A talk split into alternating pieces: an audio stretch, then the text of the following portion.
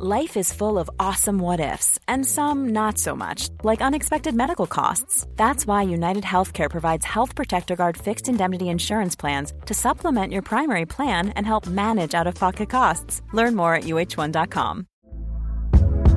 Hey there, it's Michelle Norris. I'm host of a podcast called Your Mama's Kitchen. When I travel, I'm usually looking for a way to find a taste of home when I'm not at home. And one of the things I love to do when I am at home is entertain. And Airbnb allows me to do that. When I was in California recently, I rented a house that had a great kitchen. And when we were sitting around the table, we're all thinking, we're in someone else's house. Someone could be in all of our homes as well. If you have a home, but you're not always at home, you have an Airbnb. Your home might be worth more than you think. Find out how much at airbnb.com/slash host.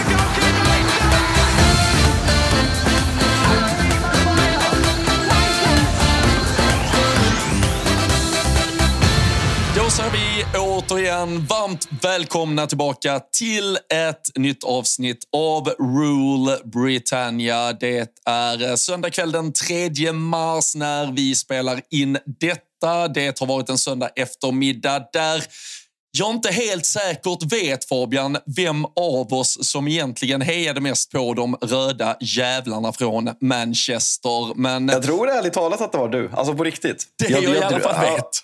Det jag jag, är ganska, jag är ganska övertygad om att det var du faktiskt. Det jag i alla fall Eh, vet, det är att efter att ha försökt göra det jag ska inte säga i 90 minuter, för det var i 55. När väl 1-1 kom, då förstod jag vartåt det såklart barkade oundvikligen. Men eh, jag, jag har ibland suttit och ja, men bara smålett. Lite med ett snett leende åt hur illa du har mått av att behöva se det här laget som stundtals ändå väcker några känslor i ditt hjärta. Och jag vet ju var i liksom märg och kropp de alltså egentligen ska befinna sig i, ja, men alltså i den fotbolls, eller relation till fotboll du har. Men nu, jag är så mäktigt imponerad att du ens har stått ut i 18 månader med Erik Ten Hag och den här fotbollen. För mitt försök till att sätta tilltro till era spelare, er taktik, er matchplan under dagen. Äh, alltså, jag, jag visste inte var jag skulle ta vägen. Ja, alltså nej. Fy fan vad det här var jobbigt att försöka ja, men, hänga upp någon form av tro i. Ja, nej, det är ju ett uh, svårt. Hör du förresten, nu kanske inte du hör det eftersom vi pratar med varandra via mina airpods, men hör du, kan du tänka dig hur krispigt ljudet är? Ja, eh, alltså eh, det var ju eh, folk som skrev till oss senast. Jag, jag tyckte också det blev, det blev ju hur bra som helst. Jag tror det, var, det funkade bra för alla öron. Det finns nog de där ute som tycker att liksom en lite skrapig mick är, liksom, funkar bättre än den skrapiga skånskan de ändå måste stå ut med alltid i den här podden. Liksom. Men så var ju någon lyssnare som skrev att nej, vad fan, du ursäktar ju ändå dig. Vi fick göra det på lite, ja, men lite extra lösning eller speciallösning senast. Vi ursäktar oss lite. Någon lyssnare skriver nej, nej, kör på det här Fabian, det här blir skitbra. Då vill jag ändå vara tydlig med nej, det behövs en ny dator och nu sitter du med en ny dator. Så uh, fan, vi levererar snabbt till folket. Verkligen. Så stor shoutout till eh, vd Freddy Arnesson som var snäll och lånade ut en dator innan den nya Macbooken kommer. Men alltså för att gå, vi, vi ska ju ta ner såklart eh, Manchester-derbyt och andra intryck från helgen. Men för att bara säga, jag, jag, alltså jag, jag vet, jag tycker att det är så jävla svårt. Jag vill verkligen inte vara så här den här alltså som pratar om den toxiska stämningen mellan supportrar. Men jag, jag vill verkligen förstå att vissa tycker att vi har en perfekt matchplan. Att Erik Ten Hag står och säger att vi har marginaler emot oss den här matchen. Sättet jag ser på fotboll på så är det snarare Manchester City som har marginaler emot sig för att man inte ska vinna med 6-0. Eh, för det är ju mer passande. Jag såg, eh, jag såg en, eh, alltså det är inte ens en statistik, det är, det är liksom hårda fakta. United skjuter två skott på mål, eller två skott, inte ens på mål. United skjuter två skott den här matchen, ett på mål och ett utanför. Tror, hur många lag i Premier League den här säsongen har skjutit färre skott mot Manchester City tror du? Alltså hemma Nej, men, ja, an- antagligen ingen. Nej, inga. Nej. Nej. Nej, och det är ju... Alltså det, det är ju, ja, men för jag, bara, och så, Ja. jag, jag, satt så här, jag satt med en kompis på Learys och uh, åt vingar. Det var liksom dagens behållning. Fan vad gott det är. Eller det är inte ens, jag hittade inte ens O'Learys längre. Jag satt på Boston Grill och åt vingar. Men de har kvar vingarna, så det, det är viktigt. Men jag satt och så här, vi försökte jämföra den här klasskillnaden. Att skulle Sverige möta typ Andorra eller Liechtenstein. Sverige är inte så här dominanta som Manchester City är spelmässigt mot Manchester United, mot Liechtenstein eller Andorra. Hur, liksom, hur långt ner ska vi gå? Liksom, tar du alla bästa svenska spelare och ställer dem mot liksom, Göteborg som eh, möter Djurgården i detta nu och åkt på 2-0, eh, som var nära på att åka ut förra året. Alltså, svenska landslaget är inte lika överlägsna mot IFK Göteborg som Manchester City är mot Manchester United. Nej, nej, nej, nej, absolut inte. Och jag, och jag tycker också, för jag hamnar också i vissa, vissa trådar kring det här och det finns ju de här och de har vi ju refererat till för de här olika taktikkontona som vill försöka överanalysera och försöka liksom hitta mönster i spel som skulle typ tyda på taktisk briljans från, från tränare i olika lägen och, och de försökte då skönmåla framförallt Manchester Uniteds första halvlek där liksom så, visst, alltså United ska vara superglada att de går till halvtidsvila med 1-0. Men du behöver inte göra någonting mer av det än att just bara vara otroligt jävla nöjd att man har lyckats stå emot och att man dessutom på det har gjort en omställning som resulterade i en drömträff och ett drömmål. Men eh, alltså spelmässigt så har jag ju sett, alltså, jag, jag, jag förbjöd mig själv egentligen att sitta och se Manchester Citys matcher för jag vet hur det förbannar mig och bara förkrossar mig i slutändan. Men jag har ju sett dem stå och spela den här typen av spel mot Brentford. Jag har sett dem göra den här typen av match mot Bournemouth. De lagen har faktiskt gjort det bättre och varit minst lika nära, eller faktiskt mycket närmare i slutändan att lösa poäng. Vi pratar ju om Chelseas gameplan som på många sätt och vis var väldigt, väldigt lik, eller lik men till vissa delar. Men där fanns ju ett väldigt strukturerat och tydligt omställningsspel som faktiskt hotade City på ett helt annat sätt och som faktiskt också gav Chelsea chansen att andas lite i det omställningsspelet. Det hade ju aldrig Manchester United. Och jag skrev ju också till dig, vi satt i någon uh, chattgrupp och snackade liksom att även om det skulle finnas mönster och ramar som skulle kunna liksom, ge laget lite tro på detta. Ni hade ju inte en bänk idag till att någonsin kunna alltså ge det en chans över 90 minuter. Det fanns aldrig den möjligheten i tanken att ladda om. Så det var ju bara en fråga om när benen inte skulle orka längre. Och eh, nej, arbets, det, nej det, var, det var aldrig nära. Det var så jävla dåligt. Men jag, jag är så nyfiken på det där också, för det blir väldigt att... Alltså fotboll är ju väldigt styrt av resultatet, vilket är rimligt eftersom det är en resultatsport som vi sysslar med. Men att, den här, alltså att det blev en sanning att folk sitter och liksom till viss del berömmer Manchester Uniteds spel i första halvlek. Eh, jag, jag förstår inte. Alltså City har uppemot 3 i XG i första halvlek eh, och United har eh, 0,29 eller någonting. Man får ju beröm och folk säger att man får matchplanen spot on bara för att man lyckas hålla nollan tack vare att City missar lägen som inte ska gå att missa. Sen gör ju City mål. Att City gör tre mål sista 20 eller 25 minuterna eller vad det är, det ska man inte göra på de chanserna man skapar där. Så det blir liksom, sett över matchen så blir det väl ganska att det går jämnt ut. Men just att man bara stirrar sig blind på att att man faktiskt håller nollan i första halvlek och inte stirrar sig, alltså vilka lägen släppte man till? Försvarade man verkligen så bra? Och det är det här du säger att i stort sett de, de flesta andra lag som möter Manchester City, kanske framförallt på bortaplan, de har ju någonting. Någon skrev till mig liksom att Ja, men alltså, helt ärligt, alltså Sheffield United har typ en klarare matchplan när man kommer till Manchester City och försöker göra någonting. Och nu visar det sig att Rashford och Johnny Evans var tveksamma att de skulle spela den här matchen från första början. Så det var därför de gick ut så tidigt. Men när City sen gör 1-1 och vi tar in, eller om det är precis vid 2-1 målet, jag kommer inte ihåg exakt, när, när vi byter ut Garnacho och vi tar... Och, och det är så här, vem, Garnacho är svag i den här matchen. Vem ska kunna straffa någonting på Manchester City? Är det liksom Forson? Är det Anthony? Vem ska gå i djupled? Det är enda sättet vi kan straffa Manchester City på eftersom vi inte kan hålla bollen kontrollerat i en och en halv minut. Så jag fattar liksom inte, fine att bänken är trött, eller bänken är dålig på grund av skador, absolut. Men just där, varför ens sätta in och ta ut Garnacho och spela honom som nia eller vad, vad som helst bara för att kunna ha djupledshotet. Och det är så här, folk pekar också på att äh, Rashford har ju två halvchanser. När han, dels den där nicken och sen när han snubblar. Det är ju snarare kolossala misstag av Manchester City än briljans i Erik Ten Hags matchplan att ligga lågt och ha en snabb spelare. Har du en snabb spelare där uppe så kommer du alltid få två eller tre chanser mot Manchester City när de har så extremt possession och spelar så högt upp. John Stones går ju stundtals upp som inverterad offensiv mittfältare. Han ligger liksom över KDB stundtals och Rodri skulle täcka allting för att man kan göra det. Så tappar man boll då, vilket de typ aldrig gör, det är klart att du kommer kunna ställa om. Men det tyder inte på att Erik Ten Hag är liksom tactical masterpiece. Alltså jag, jag har så svårt. Och den här grejen att jag, man sitter så här, ja, men om vi gör 2-2 nu.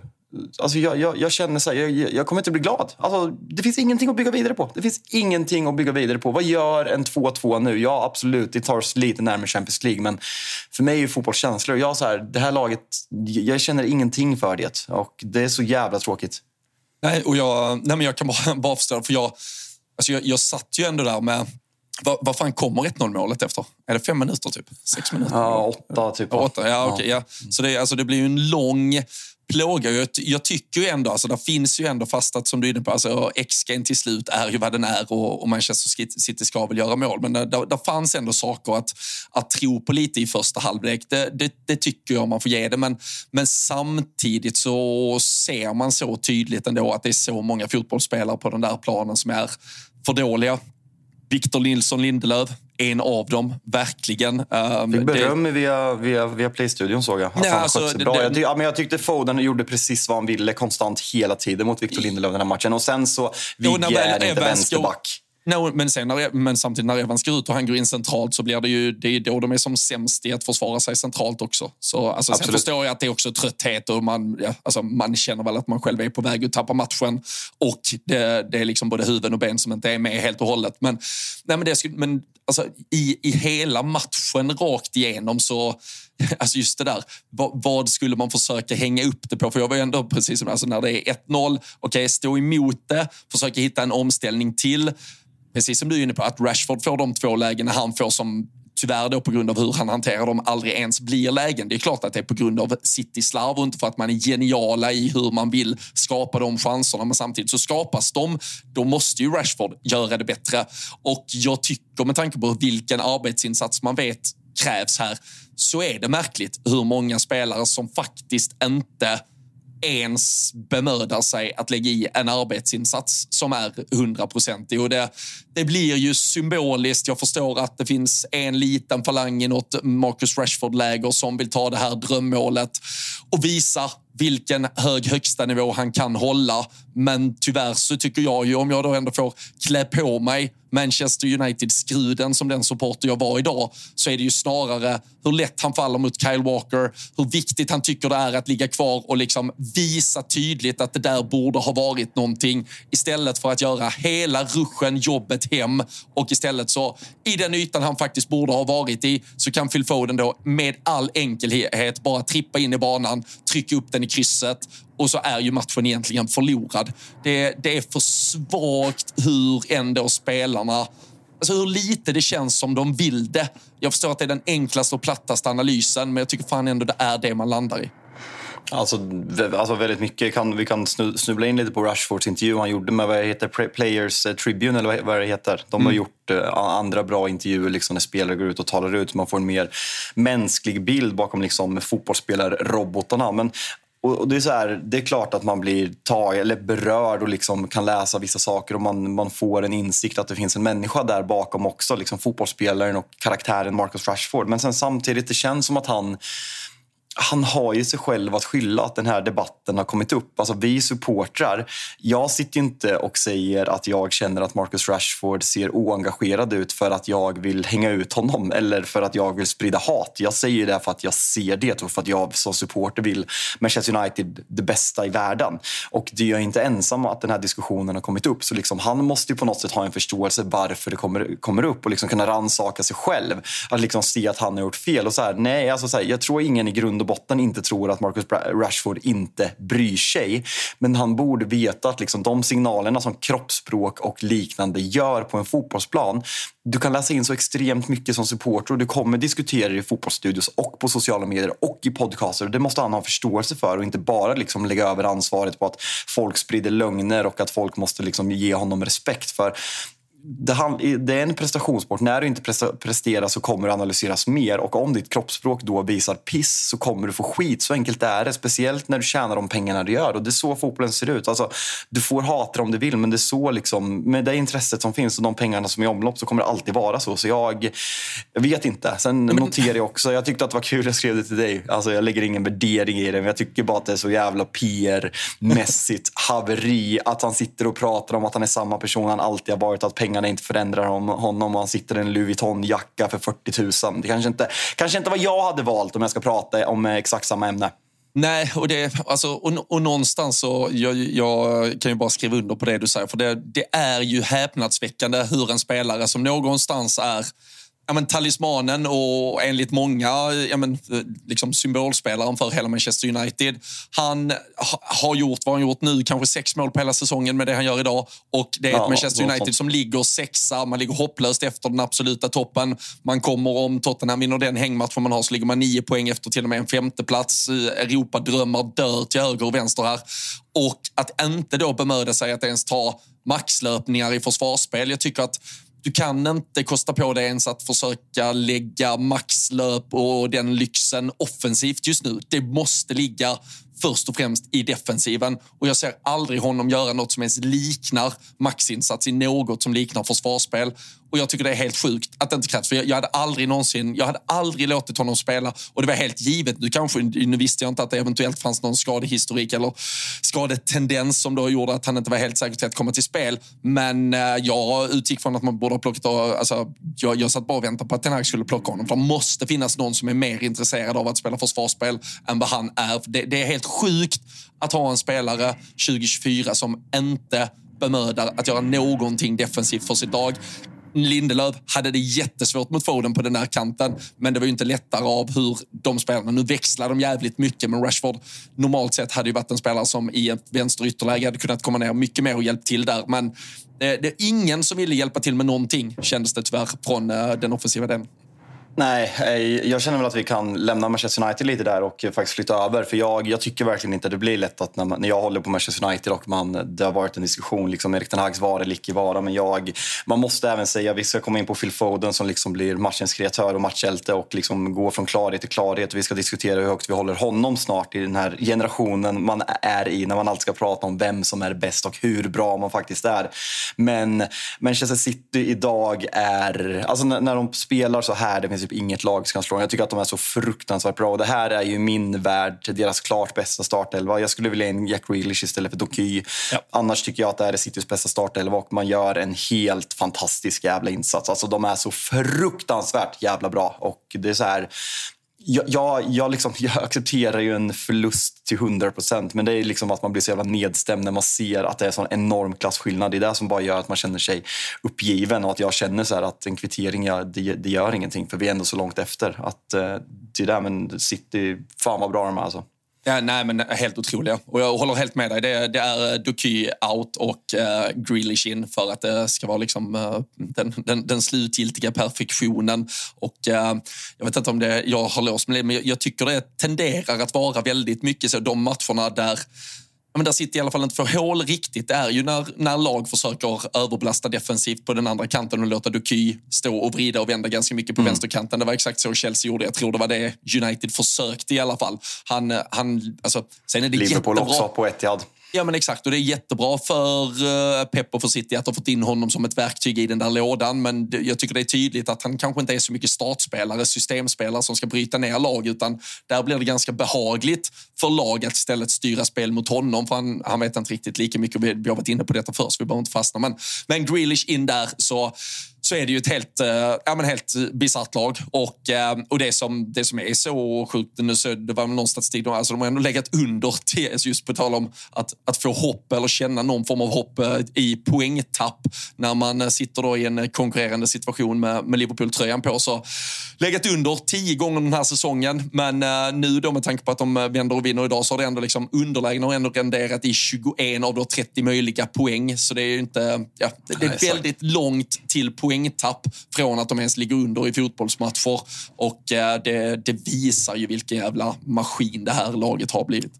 Fast samtidigt också, det där, jag, jag tycker man märker på intervjun med Bernardo Silva efter matchen att de känner liksom att det är ett stort problem och att möt, och kommer man till Anfield så har du inte råd att släppa in det första målet. Det är det som är grejen. att de här, Det är så sjukt att sitta och prata om United som är en av de enklare matcherna mot de sämre lagen. Men det är, det är absolut där vi är. Att möter man Arsenal nu och Liverpool i de här två matcherna som är Citys två kommande matcher i ligan. Efter det så har man ett väldigt lätt schema. Så kan man ta fyra poäng de här matcherna så är man ju väldigt stora favoriter att ta titeln. Framförallt om man inte förlorar på, på Anfield.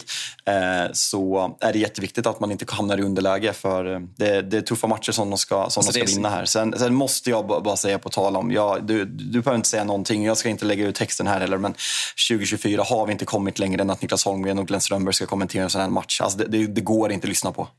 Nej, jag, och jag, ja, nej, nej. Alltså, alltså, alltså det är som... Nej, alltså, jag, jag ska inte säga vad det är, men det är för dåligt. Nej, och det kan inte vara på rackarrökarnivå. När vi ser alltså världens bästa fotbollslag genom alla tider spela en fotboll som är så briljant och så landar vi typ i att det är rackarrökare av hela skiten. Jag, ja, och, och skrik. Ja. Alltså så här, alltså, nej, alltså det är för dåligt. Alltså, jag, jag brukar inte vilja gå in på... Alltså jag brukar inte vilja prata negativt om diverse olika fotbollsstudios, men det här tycker jag är för, för dåligt. Vi borde ha kommit längre i utvecklingen liksom med, med hur mycket resurser och sådana saker och tid och energi och pengar som folk lägger på det här och studios, så mycket det går framåt och utvecklas och pandit som är bra. Ja, vi måste komma längre än där. Vi måste ha en nivå att när en sån här match, en sån här match liksom, alla förutsättningar nu, en match där ett lag är så dåligt, men ja, det eh, jag var bara tvungen att säga det, för det, ja. det, det går faktiskt inte. Ja, jag hör dig. På tal om imponerande statistik från, eh, från City och, och deras vändningar. Och jag, jag, förstår ju vad Bernardo Silva säger. Och det har vi ju pratat alltså, till exempel mot Chelsea här för någon vecka sedan. Då blev det ju till slut bara Newcastle en poäng. Också. Newcastle är ju liksom 94 ja, minuts mål mm, som räddar dem. Men man löser det trots allt. Men, men, det är klart att det, det är jobbigt. Och jag vet ju Liverpool hade en lång period av samma tendenser där man alltid släppte in 1-0 efter, för han kändes som tre minuter varenda jävla vecka i stort sett. Och det, det är en lång väg till vinsterna. Och eh, framförallt så tänker han väl eh, större matcher och Champions League-slutspel och annat som väntar. Det är klart man inte kan kosta på sig det då. Men eh, det var jävla sjuk statistik också. Eller sjuk vet jag fan om den är, men eh, sätter väl ändå saker i perspektiv. Så också när vi gick in i halvtidsvilan, United i ledning, att på de 143 senaste halvtidsledningarna så hade Manchester United aldrig förlorat. Men det sprack då och ännu ett rekord Erik Ten Hag tar med sig ner i böckerna. Alltså det där är ju faktiskt helt otroligt. Det är någon fortfarande på Old Trafford tror jag, att om man, eh, om man, om man leder i paus, i paus där va? Det är ju typ det, tillbaka typ, så alltså, att, Det är 20, typ 15 år, 20, ja, nej, ja det kanske är 20, alltså, det är jättemycket. Eh, så den, den får han se till att, eh, att hålla i. Men nej, men, men fan ska vi gå, alltså det, det är som sagt, det är när vi har pratat om Arsenal, att prata om ett briljant fotbollslag blir ganska platt och tråkigt. Men om vi pratar Phil Foden, jag hatar att man liksom ska börja prata säsongens spelare, vem som är det nu, för det, det går liksom inte, för man kan inte ta, man måste ta beaktning vilka som vinner och det är den mest avgörande delen av säsongen som vi ska in i nu. Så, som har varit bäst hittills är liksom skitsamma men hur högt upp håller vi honom i Premier League den här säsongen? För det känns som att det här är den första säsongen när han har varit Alltså vi pratade om innan att han man har varit frustrerad på Pep för att han har spelat tio matcher och varit bra. Sen har han gjort en dålig match och sen helt plötsligt har han suttit på bänk om det är sex, sju matcher i rad. Nu är han verkligen en av de första Pep kritar ner i den där startelvan match vecka ut och vecka in. Och att han verkligen tar chansen och han är så fruktansvärt briljant. Alltså så här, hur bra, alltså så här, pratar man bara bästa engelska spelare i Premier League, liksom, det är Jude Bellingham och sen är Harry Kane utomlands. Men pratar vi engelsk spelare i Premier League så håller jag Phil Foden som etta ganska tydligt faktiskt. Nej, men alltså just nu, jag tycker man kan eh, argumentera Ja, klart. Declan Rice, absolut. Ja, jo, absolut. Men, men jag tycker väl absolut man kan argumentera för att han för en gångs skull med tanke på... Och sen, sen så har Haaland alltid statistik som säger något helt annat när man då försöker säga att han inte har en toppensäsong. Men, eh, men eh, det, han har ju trots allt satt sig på den där egna nivån som vi måste försöka förhålla oss till. Och med KDB i ja, men den frånvaro som har varit så, så tycker jag väl man kan argumentera för så vet vi alltid att vi har en Rodri, vi har en Bernardo Silva. Men jag tycker man kan väl faktiskt säga att Phil Foden har varit Manchester Citys ja, bästa och kanske viktigaste spelare den här säsongen. Näst bästa. Näst bästa, Rodri. Ja, Hipstervalet. ja, ja, men i så fall då måste du också argumentera. Då är, då är Rodri också, liksom, då är han också årets spelare. Om det nu är City som vinner i slutändan. Han slog väl rekord idag, va? tror jag. Premier League-rekord. Antal passningar? fler- Nej, obesegrad i antal matcher, tror jag. Ja, mycket möjligt. Mm. Mycket möjligt. Men, äh, jag, jag håller med. Alltså, Foden just nu är, eh, det är up there. Eh, han, ja, kanske just nu, hela Premier Leagues Gör sitt tionde mål idag. Ja, åtta assist eller något sånt, va? Typ. Nej, det, det, det är faktiskt otroligt. Sen, jag tycker, jag har tjatat om det den här säsongen väldigt mycket och jag tycker att det har fått för lite utrymme. Men jag tycker att City är fruktansvärt mycket, mycket bättre när eh, John Stones spelar. Jag tycker att han är fenomenalt bra och ständig liksom, när man pratar om bästa backar. Inte bara i Premier League utan i hela världen. Alltså som John Stones Men det blir så förra fel att prata om när- det. Han spelar ju aldrig back för City. Nej, jag vet. Alltså, så han, Nej, måste, han är ju systemspelare. Jag, jag satt faktiskt och hade exakt den här diskussionen med, med, med min son här efter matchen. Han lever ju liksom i, i tidevarv då du skapar kombinerade drömelvor och sådär. Och då skulle han typ, ja, men så skulle han då ändå, vi satt och diskuterade Liverpool, Manchester City och vilka man väljer och sådär. Att, trodde det- du skulle säga City och United. Är det någon som ta in eller? Nej, det hade inte varit, Ant- inte varit Anthony är bra på att hålla i bollen. Det, hade inte varit, det är faktiskt helt sjukt. Det hade inte varit en enda United-spelare som hade gått in. Alltså idag, om du tog de Eh. två elvorna och gjorde en kombinerad.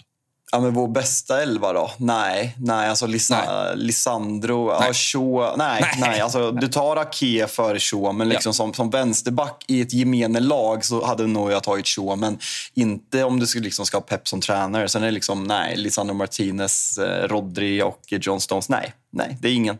Ja, men, där, och då, men då om vi tar till den diskussionen vi hade, då var det ju Liverpool, Manchester City. Och då landar han ju i mittbackspar. Då går ju han till, och det tänker jag nog är lite så go-to om man skulle göra den här övningen, att det blir Ruben Diaz och van Dijk. Men jag hör ju vad du säger med Stones. Men om du skulle bygga ett nytt lag med nya förutsättningar och fått välja fritt bland spelarna. Eller hade du då till och med valt Ruben Diaz och John Stones för att du vill ha John Stones så mycket? Och bara liksom tagit Pep Guardiola-fotbollen och petat Nej, van alltså- Dijk? Eller van alltså, det där Dijk är så- och Stones? O- Oj, nu kollar jag på Djurgården. Det var, intressant vad Göteborgs målvakt, vad heter han, Pontus Dahlberg gjorde. Nu vart det livepodd, det är inte bra när man kollar på repris. Men det var en rejäl tavla. Eh, men jag hoppas folk har sett den så att de fattar vad jag pratar om. Nej, men det där är ju så svårt när man pratar om kombinerade elver och har ett lag som City. För att liksom, i, grund och botten, ingen Liverpool-spelare på det där centrala mittfältet är nära på att platsa i, eh, i Manchester City. Eh, alltså om du kollar spelare på spelare, sättet Liverpool spelar. Jag hade personligen tagit John Stones och van Dijk. Jag varit helt såld på Ruben Diaz när han kom, hans två första säsonger. Och jag tycker han är, han är en modern försvarsspelare men samtidigt har han kvar det här omoderna. I den här liksom 60-talist eh, mittbacken som i grund och botten älskar att försvara. Eh, det är något som jag älskar att kolla på i liksom dagens... När liksom en Mattias Delicht kan bli en, en, en av världens mest uppsnackade backar som är ganska kass på att försvara för att han är liksom en bra uppspelsfot och liksom vill spela offensivt. Och sådana spel. Det är därför liksom Lisandro Martinez är så enkel att ta sig till för att han spelar så aggressivt. Att han älskar att liksom göra en glidtackling och komma in stenhårt. Det är ju Ruben Diaz för mig. Men samtidigt ska jag bygga ett lag så hade jag tagit John Stones för hans liksom flexibilitet. Han kan kliva upp, han är väldigt bollsäker. Och van Dijk som liksom är ja, men världens bästa mittback. Det är, det är väl inget snack just nu. Ehm, Den eh, det- jävla... Jag, jag ja, kommer inte, jag kommer inte snacka. i alla fall. Jag kommer inte snacka. Nej, jag, Men jag, tror jag, jag väntar mig inte att du skulle säga emot där. Nej. Men jag, jag satt bara och kikade lite med stats på Phil Foden, just bara för att avsluta det. Alltså tar vi den senaste månaden, uh, ja, men går tillbaka ganska exakt fyra veckor. Då har man ju Brentford borta, man ligger under med 1-0. Uh, han kliver fram och gör ett hattrick. Uh, man vinner med Just 3-1. Uh, Bompan borta förra helgen, vinner med 1-0. Det är Phil Foden som gör målet. Här mot United, ligger under med 1-0. Uh, han vänder och vinner matchen med sina två mål.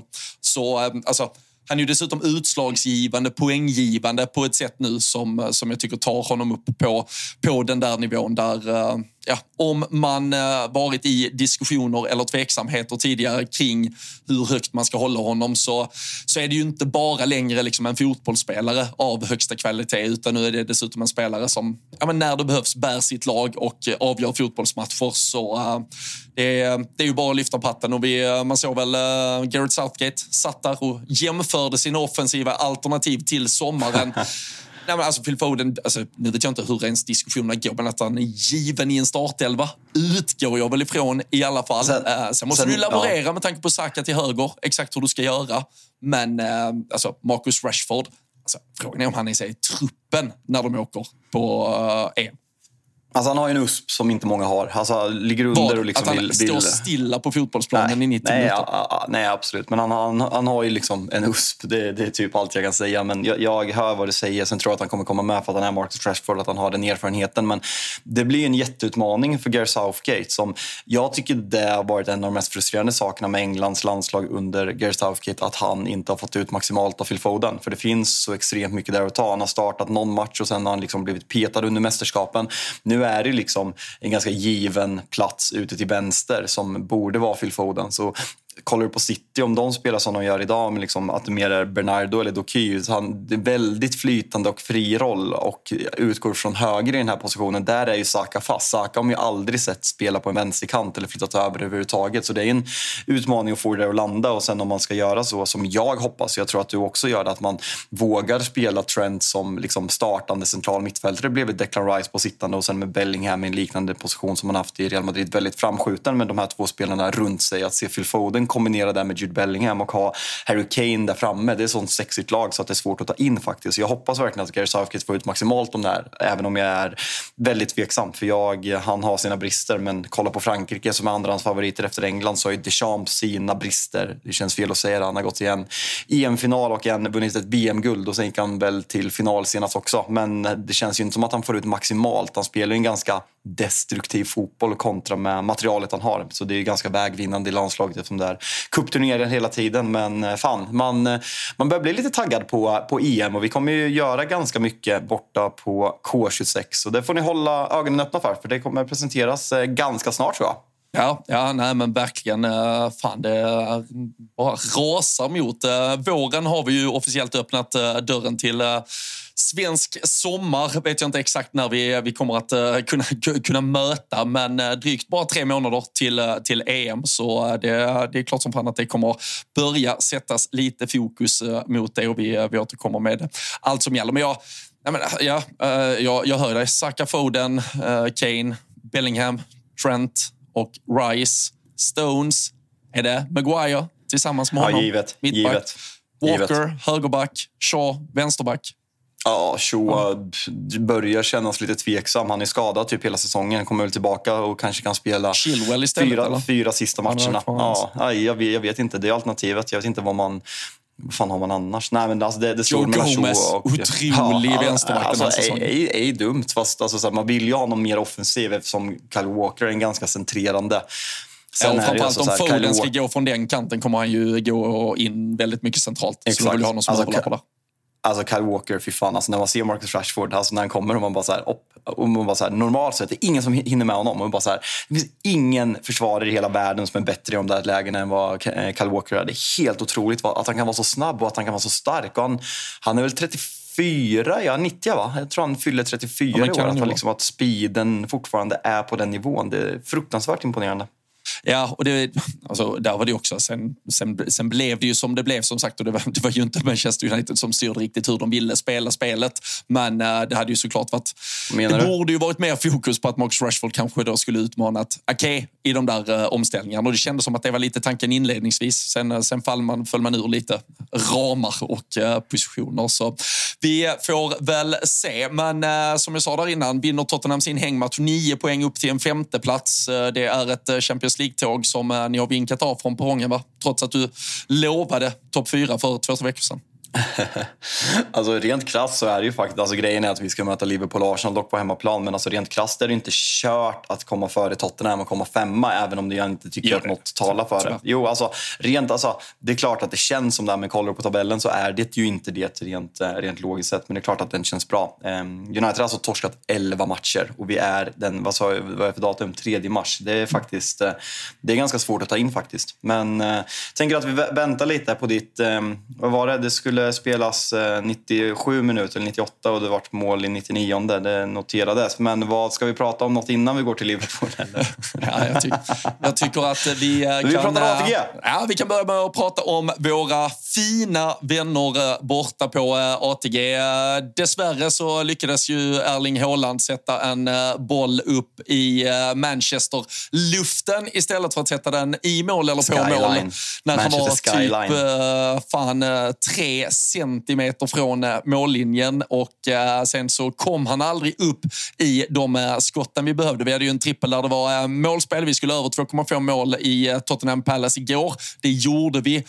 Tyvärr då så fick vi inte in tillräckligt många skott på hålan. Vi har ju även att Arsenal ska vinna med minst två mål imorgon. Det tror jag de ändå gör, men det är en klen tröst att bara två av tre ben sitter. Så nya tag till nästa helg och jag tycker också för ATG brukar ju hänga med oss i de Champions League watch along-sändningar vi gör. Tisdag, onsdag så fortsätter ju Champions League-slutspelet, returmöten.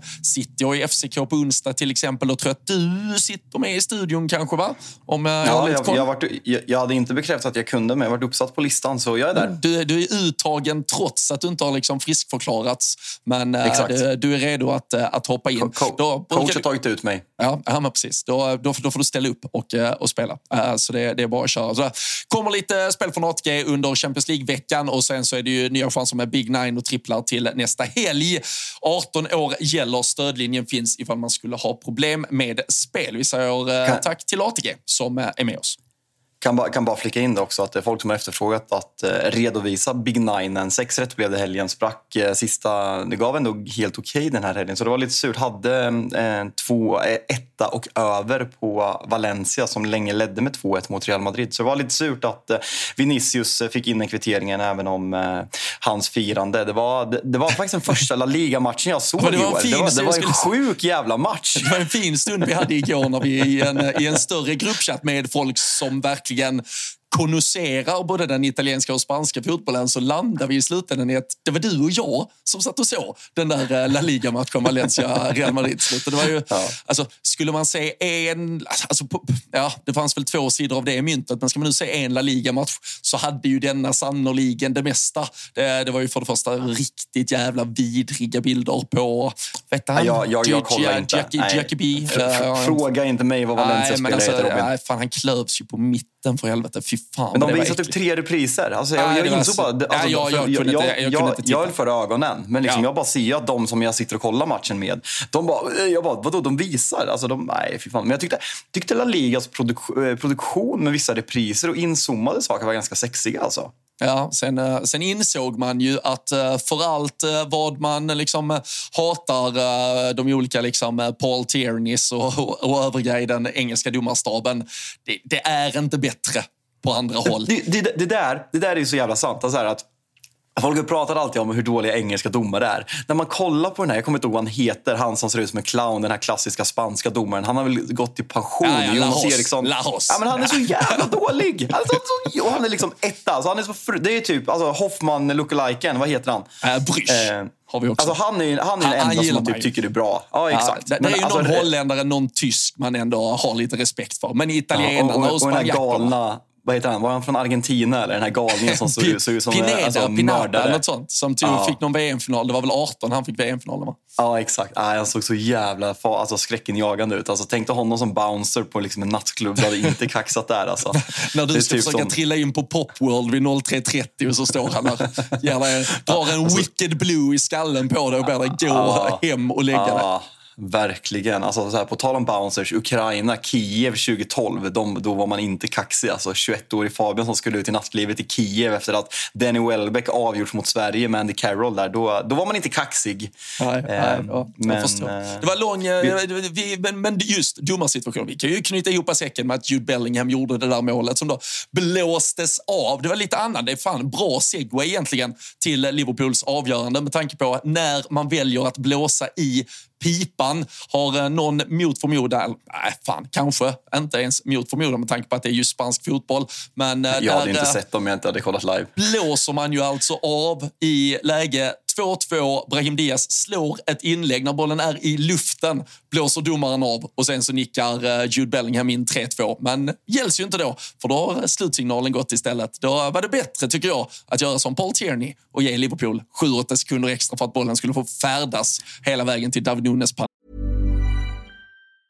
A lot can happen in the next three years. Like a chatbot maybe your new best friend. But what won't change? Needing health insurance. United Healthcare Tri Term Medical Plans are available for these changing times. Underwritten by Golden Rule Insurance Company, they offer budget friendly, flexible coverage for people who are in between jobs or missed open enrollment. The plans last nearly three years in some states, with access to a nationwide network of doctors and hospitals. So, for whatever tomorrow brings, United Healthcare Tri Term Medical Plans may be for you. Learn more at uh1.com. I'm Sandra, and I'm just the professional your small business was looking for. But you didn't hire me because you didn't use LinkedIn jobs. LinkedIn has professionals you can't find anywhere else, including those who aren't actively looking for a new job but might be open to the perfect role, like me. In a given month, over 70% of LinkedIn users don't visit other leading job sites. So if you're not looking on LinkedIn, you'll miss out on great candidates like Sandra. Start hiring professionals like a professional. Post your free job on linkedin.com/people today. Hey there, it's Michelle Norris. I'm host of a podcast called Your Mama's Kitchen. When I travel, I'm usually looking for a way to find a taste of home when I'm not at home. And one of the things I love to do when I am at home is entertain. And Airbnb allows me to do that. When I was in California recently, I rented a house that had a great kitchen. And when we were sitting around the table, we're all thinking, we're in someone else's house. Someone could be in all of our homes as well. If you have a home, but you're not always at home, you have an Airbnb. Your home might be worth more than you think. Find out how much at airbnb.com/slash host. Vi väntar lite med Liverpool, för jag känner att det många gånger har blivit att vi blir lite långa när vi pratar Liverpool United. Eh, som vissa uppskattar, vissa inte. Men jag tänker att istället för att det blir att vi bara så glömmer någon match och snackar lite om någon match, så blir det ett längre avsnitt idag så blir det. Så jag tänker att vi pratar om Nej men fan, jag är lite sugen på Villa. Villa, jag är imponerad. Alltså, du hade dem under lupp, du var på väg att räkna hem den, att de är slut. Men fan, det här är imponerande. Och Ollie Watkins, liksom, hur seriös... Jag har ju typ känt att han är en, alltså inte klassisk, men så här, att det är lite brittrunk att man ens pratar om honom som en liksom, startanfallare i Arsenal. Och liksom, när man nämner Victor Gyökeres, ska han gå till Arsenal ska de hellre ta Tony, ska de ta Watkins? Jag har haft svårt att se eh, Ollie Watkins på den nivån, att han ska kunna leda en anfallslinje i ett, ett, lag som Arsenal eller Manchester United som länge har suktat efter en nia. Men alltså, han, han var ju bara ett mål eh, efter Haaland skytteligatoppen. Han är två i skytteligan nu. Jag tror han har gjort 17 mål. Haaland går väl upp på sitt 19 eh, med målet idag. Men shit vad bra de är. Och jag är imponerad att de lyckas komma tillbaka. För de hade den där 2-0-ledningen mot eh, United på Boxing Day. Tappar till 3-2. Nu leder man med 2-0 och liksom Watkins, alltid frid och fröjd. Luton går snabbt upp till 2-2. Sen Lukas Dinja av alla jävlar avgör sent. Mm. Och man såg vad det betydde på, för Unai Emery och gänget vid, vid sidan. Det är imponerande av Villa. Ja, och som sagt, vi, vi pratar ju eh, gapet ner till United vad gäller den där uh, topp fem i alla fall och uh, potentiella Champions League-platsen. Så för, uh, för Aston Villas del så är det ju en, uh, ja, men en vår som på alla sätt och vis bara handlar om att låsa in den här Champions League-platsen som med ja, men, en, en fortsatt aktivitet av samma kvalitet på en transfermarknad kan bygga vidare det här laget och ta det flera höjder till. Och sen kommer väl frågan Frågan var i sommar huruvida man får behålla Olle Watkins eller inte. Men eh, jag tycker ju i i tider då eh, vi, eh, vi ofta landar i ett, eh, ett svenskt medieklimat i alla fall där Alexander Isak ska byggas upp och han ska vidare till nästa storklubb där Viktor Gyökeres framfart i Sporting Lissabon gärna renderar miljardvärvningsrubriker till lag som typ Chelsea Arsenal så är jag ju ganska övertygad att den typen av lag egentligen tittar hellre mot än Ollie Watkins som gör detta vecka in och vecka ut. Och han, han har en sån självklarhet i sin avslutsteknik och jag tycker att han dessutom med sin rörlighet är, är jävligt bra för de spelarna runt omkring sig oavsett om det har varit en Leon Bailey eller Diaby eller vem som har varit där runt omkring. Så uh, nej, Ollie Watkins, det, det är sjukt att inte alla hade honom i höstens lag när vi tog ut det för ett par veckor sedan. Alltså, du kan ju inte räkna en sak som hände i mars med att du hade med honom i höstens Man har ju med lilla spåkulan också, liksom, hur mycket den här formen kommer att bygga vidare för resten av den andra halvan också. Så, um, du han, behöver prata Thomas Wilbacher, kriterier för Toto sånt här gillar vi inte. Det är luddigt, han, luddigt han, han är i höstens lag för att befästa den plats även till när vi summerar årets lag helt enkelt. Men, men är inte det, alltså så här, det här är ju också så att jag är fortfarande inte säker på, och det kanske är liksom så att man är rädd för min, en mindre klubba, det låter så jävla fel, men att det är ett jävla stort steg att leda en anfallslinje i ett Arsenal som ska utmana Liverpool och man ska utmana Manchester City och man ska i liksom Europa utmana Bayern München och Real Madrid. Jag är inte helt hundra på att Oli Watkins är på den nivån. Så jag, alltså han är i ett villa som är på en fruktansvärt bra plats och sen får vi se hur långvarigt det blir om liksom Unai Emery vill stanna, om man kommer bygga vidare på det här, hur många spelare. Det är samma med Martinez, känner mig lite i sommar att han är på väg på en rätt plats. Men efter det där VM-guldet så kände han fan det är ändå Aston Villa. Jag vill ändå göra något större och åka och spela i Europa. Så nu bara, jag hoppas ju på något sätt att Villa kan befästa den här platsen. Alltså för ligans skull att liksom bredda toppen. Newcastle kommer göra det långsiktigt med pengarna man får in. Aston Villa tyder väldigt mycket på att man gör väldigt mycket rätt och så länge man har en tränare och investerare och liksom gör bra business så Olly Watkins för mig, alltså Tony är en annan sak. Även om jag likt där är skeptisk om han är tillräckligt bra att leda en anfallslinje i ett lag som ska utmana de största titlarna. Liksom är Ivan Tony bättre än Gabi Jesus? Nej, troligtvis inte. Startar han mer matcher under säsong? Ja, det gör han. Är han därför nyttigare? Ja, men ska du då lägga 700 miljoner eh, svenska kronor på Ivan Tony för att ersätta eller rotera med Eddie Nketiah och Gabriel Jesus när det liksom är en marginell uppdatering? Jag vet inte. Och Det är det som är svårt och intressant med diskussioner med nior i världen nu. För det känns som att nian börjar komma tillbaka från en tid liksom från tiki-takan där Moreno-typer och Fredrik Wester gästade i Toto De pratar liksom om spanska lag får fram så mycket spelare på alla positioner men man har inte haft en riktigt bra nia sen Fernando Torres och David Villa för att den typen av fotboll liksom inte främjar liksom tanks. Men kolla på Darwin Nunez, kolla på, nu ska jag inte ta Rasmus Höjlund där än, man ska inte prata om honom på den nivån men det, det, han är på väg dit och kanske framförallt på, på Håland och sen har du liksom ja, men Watkins och så vidare så det känns att niorna börjar verkligen bli viktigare och mer klassiska igen. Så det är en intressant nia sommar. Mm. Ja, och jag tycker ju, alltså du, du nämner uh, Tony, man har ju tidigare pratat om, nu är ju han till, till, lite till åren kommen, men liksom en Callum Wilson som alltid har, uh, ja, men, han har ändå varit i samma fack de senaste han åren. Var, han har aldrig varit så... Nej, jag vet, nej, men det har ju snarare gått i kortare perioder, ja, så har det ändå, liksom, han har ändå liksom, nämnts där uppe. Men jag tycker att Ollie Watkins har något annat och nu vet jag inte om det har påverkats av att man inte har fått se Tony hela den här säsongen och det är klart att han också har en höjd i sitt spel men det, den är lite mer kopplad till vissa specifika egenskaper och att det fyller också en otrolig funktion i det sätt Brentford stundtals i alla fall vill spela sin fotboll. Ollie Watkins tror jag du hade kunnat ta i stort sett rakt ut ur det här Aston Villa, placera rakt in i en riktigt högkvalitativ bra, välmående miljö och så hade han gjort det fantastiskt. Nia i ett Tottenham. Alltså sen handlar det såklart, vad är vad är hierarkin här? Vilket lag och vilket steg tycker han är stort nog kontra det som Aston Villa eventuellt kan åstadkomma med en bra sommar med fortsatt utveckling. Men eh, Ollie Watkins till typ Tottenham om de vill ha en riktigt jävla bra nia. Eh, och om han tycker det är ett steg värt att ta. Men eh, det, det, det borde vara lag i alla fall som tittar på honom i sommar. Ja, det blir eh, spännande. Men vad, eh, hur ser det ut? Alltså man är alltså fem poäng för eh, eh, Tottenham som ligger på femte plats. Och det känns lite hela tiden att det är den här klassiska som även gällde när Leicester gjorde de här bra säsongerna. Att man, man chokar ju till slut. Alla sa att man skulle choka och sen så kändes det hela säsongen som att man inte skulle göra det och sen till slut så gjorde man det två säsonger i rad. Men jag tycker verkligen att Villa det, det beror på hur... Eh, om jag ställer den frågan mitt i mitt uh, utlägg. Hur seriöst ska man ta Conference League? Uh, man möter Ajax, ska åka till, till Amsterdam nu på, på torsdag. Sen möter man Tottenham. Oh, Tottenham nu på söndag! Vilken jävla söndag vi har framför oss, Robin! Mm. Nej, den är, det är en ruggig Det är faktiskt äntligen en super Sunday efter att du försökte bygga. Vad hade vi då? Sheffield United, Brighton och Luton, Manchester United, United för någon vecka sedan ja. och något annat. Men jag, jag, jag tycker ju alltid att man ska...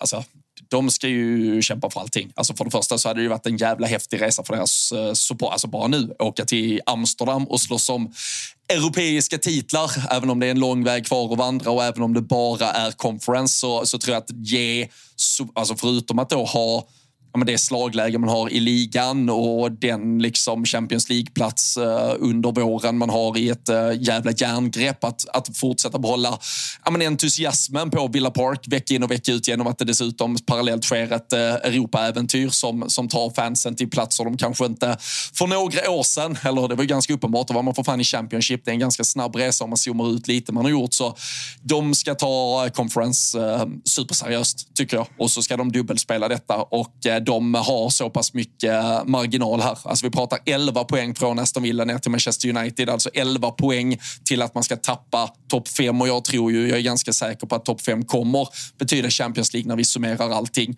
Och där kan de ju faktiskt bidra lite själv genom att då göra ett conference-äventyr som går lite längre, vilket betyder att de samlar in koefficientpoäng och därmed skulle kunna ha fallhöjden att en femteplats också ger. Så de ska ju bara köra stenhårt på båda två fronter.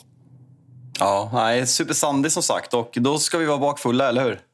Det ska vi. Vi har en äh, jävla fin äh, lördag framför oss. Vi ska se Everton, Manchester United och äh, ta en lång lunch, är väl tanken i alla fall. Och sen får vi se vad, som, vad kvällen tar, tar vägen. Vi ska träffa Pierre.